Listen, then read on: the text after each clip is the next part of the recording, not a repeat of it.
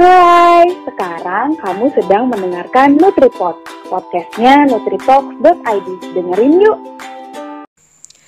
Halo, Assalamualaikum Nutrisquad semuanya Jumpa lagi di NutriPod podcastnya nutritalks.id Hari ini giliran aku, Kori, yang akan nemenin teman-teman semua di podcast kita Tentunya, kita juga akan kedatangan narasumber yang merupakan teman saya sendiri seorang ahli gizi yang saat ini bertugas di Puskesmas daerah Jawa Timur. Oke, untuk menyingkat waktunya, kita langsung saja sambungkan dengan Kak Abri. Halo, Assalamualaikum Kak Abri. Gimana nih kabarnya? Baik-baik kah? Waalaikumsalam. Halo teman-teman Nutri Squad semuanya. Alhamdulillah kabarnya baik nih Kak. Kak Cari sendiri gimana nih kabarnya? Iya, alhamdulillah di sini aku juga baik-baik aja. Kita sekalian reunian ya ini. Reuni berdua nih ceritanya. Iya, oke. Oke, kita serius dulu, Kak.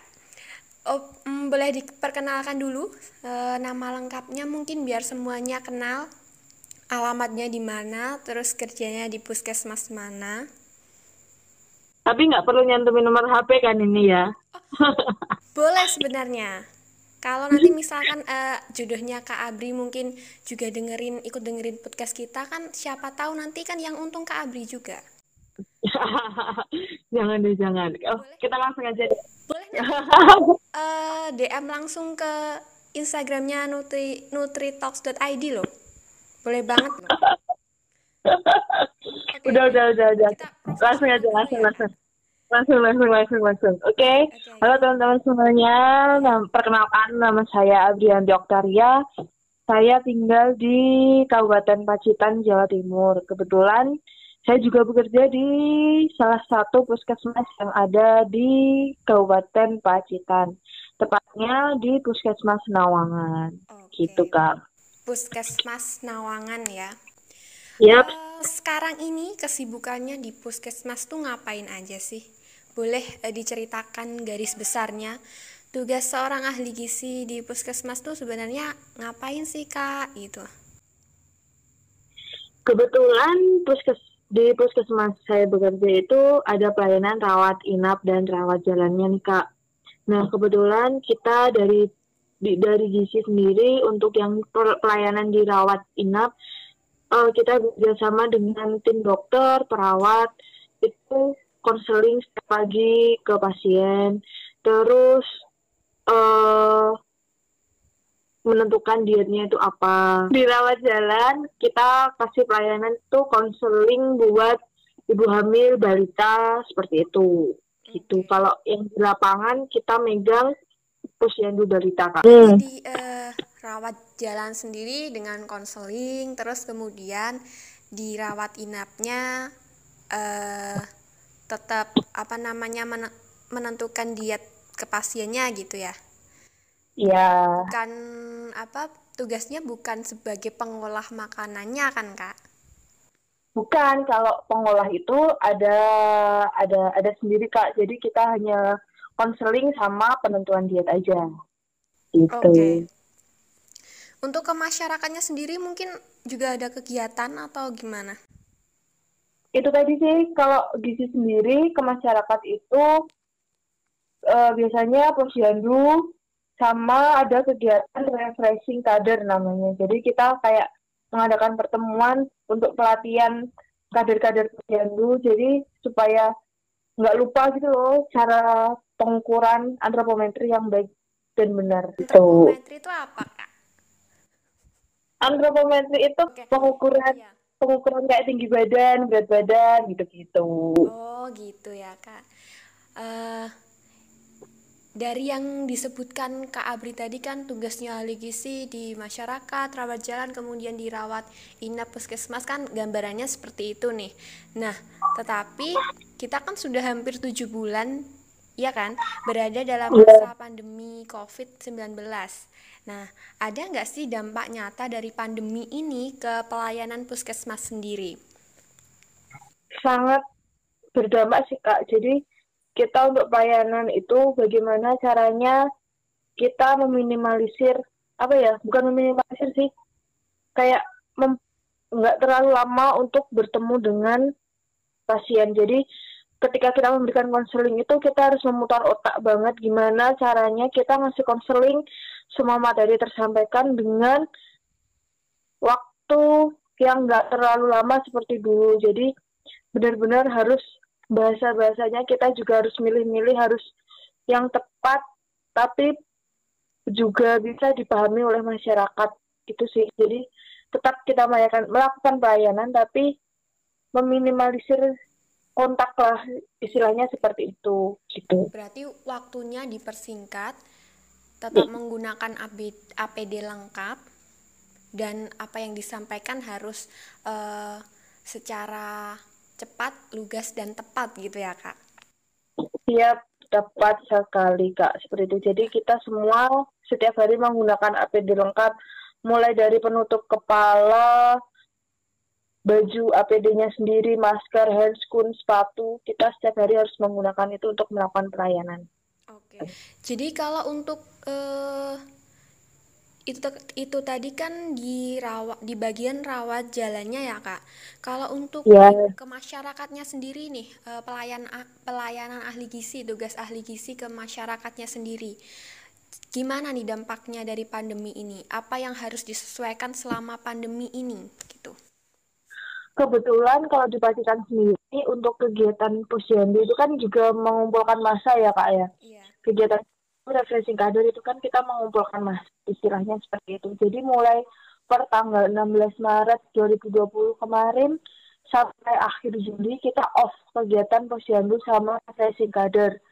Terus kita baru mulai kegiatan posyandu lagi itu di bulan Agustus di bulan Agustus itu kita baru mulai. Terus sebelum itu kita juga refreshing kader di awal di akhir bulan Juli. Itu tetap kita juga menggunakan protokol kesehatan. Jadi kayak refreshing kader itu kan kebetulan di tempat saya bekerja itu kita megang 35 posyandu nih kak. Jadi kita oh, iya. kita buat dua iya banyak banget. Kita buat dua sesi refreshing buat kader. Jadi kita mulai dari pagi nanti kita siang mulai lagi untuk kloter selanjutnya. Nah, tapi kalau untuk kegiatan posyandu kita sudah mulai lagi di bulan Agustus. Kebetulan bertepatan dengan bulan timbang dan pembagian vitamin A. Nah, waktu kegiatan posyandu itu sendiri kita tetap menggunakan protokol kesehatan. Jadi semua kader posyandu itu menggunakan masker, face shield, sama handscoon. Nah, Terus untuk ibu balitanya itu membawa sarung timbang masing-masing, jadi mengurangi kontak langsung dengan uh, istilahnya, ya mengurangi kontak lah istilahnya untuk safety-nya kita sendiri seperti itu, Berarti gitu biar, kak. Biar nggak dipakai berulang kali gitu ya? Ya benar sekali. Nah itu udah mulai kita lakukan dari mulai bulan Agustus. Nah apabila kita uh, ada posyandu yang jumlah balitanya lumayan banyak uh, dari bidang desa kader itu kita membuatkan jadwal atau shiftnya sendiri-sendiri jadi kita nggak berkerumun di tempat penimbangan gitu kak. Oke, sudah terjawab ya kak. Jadi tadi kan e, bagaimana penyesuaiannya selama pandemi ini. Kemudian untuk pencegahan COVID-nya sendiri, apakah dari puskesmas itu punya program khusus untuk masyarakat saat ini? Mungkin dalam mengedukasi mereka bagaimana bahayanya virus corona ini gitu. Uh, kebetulan kita mempunyai inovasi sih kak. Jadi uh, pada awal-awal uh, virus ini itu kita dari puskesmas sendiri menggunakan mobil puskesmas keliling itu kita keliling ke desa, ke pasar gitu-gitu buat siaran. Jadi kita siarannya itu kayak nyampein materi, bukan materi sih, kayak ngasih penyuluhan tentang apa sih coronavirus ini, terus dampaknya seperti apa, apa sih yang harus kita lakukan supaya kita nggak terkena virus ini itu itu awalnya kita siaran cuma uh, dari tim puskesmas aja terus terus akhirnya kita bekerja sama dengan lintas sektor jadi mulai desa, kecamatan, eh, apa polsek, koramil itu kita kerjasama jadi kita keliling ke pasar-pasar, kita turun masuk ke pasar, turun ke desa-desa buat tetap ngasih penyuluhan gitu kak. Tentang ya materinya sama tapi kita lebih lebih lebih lebih sering untuk turun ke masyarakat. Jadi masyarakat itu uh, benar-benar tahu oh virus ini tuh ada virus ini tuh bahaya gitu jadi uh, se sebisa mungkin masyarakat bisa uh, melindungi dirinya sendiri gitu. Oke, berarti tetap diperlukan kerjasama lintas sektor ya? Ya, seperti itulah kurang lebihnya. Oke, kita juga sangat mengapresiasi sekali uh, suatu bentuk apa ya namanya edukasi ke masyarakat yang sangat inovatif sekali dari puskesmas tempat Kak Abri bekerja gitu. Mungkin untuk selanjutnya dari Kak Abri sendiri boleh disampaikan pesan untuk kita semua yang mendengarkan apa yang seharusnya kita upayakan untuk mencegah penularan virus corona gitu. Mengingat saat ini kan e, justru malah lonjakan kasusnya sangat sangat apa ya? E, mungkin lebih tinggi gitu dari awal-awal pandemi dulu ya, Kak. Gimana nih, Kak? Pesannya Kak Abri untuk kita semua pesannya sih buat teman-teman di ini kan udah masuk di era new normal nih ya. Iya. Mau udah bisa berkegiatan di luar rumah seperti biasanya. Pesannya sih seperti apa yang udah digencarkan di di di media-media sosial pada umumnya sih kita lebih memproteksi diri kita sendiri. Kita lebih tahu apa-apa yang kita butuhkan saat kita keluar. Sebisa mungkin kita bawa alat-alat itu sendiri gitu loh. Jadi kita mulai mandiri, mulai alat makan dan sebagainya alat makan alat minum alat sholat dan sebagainya itu kita harus mulai bawa sendiri jangan lupa sabun cuci tangan hand sanitizer cadangan masker itu tetap harus ada di dalam tas kita gitu nah okay. terus apalagi ya jangan jangan begadang sih jangan begadang tidur cukup jangan stres. Pola makannya harus baik. Makan makanan gizi seimbang sayur, buah, minum air putih, olahraga yang cukup itu sudah uh, sudah apa ya membuat imun kita itu baik gitu loh bagus.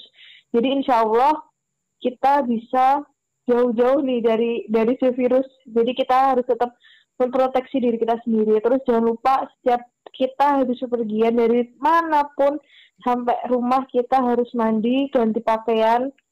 Pokoknya itu harus wajib karena kita nggak tahu tadi kita di luar ketemu siapa dia membawa virus atau enggak terus kita ketemu dengan keluarga itu kita dalam kondisi aman atau enggak kita juga harus memperhatikan itu gitu. Oke siap kak Abri. Terima kasih pesannya.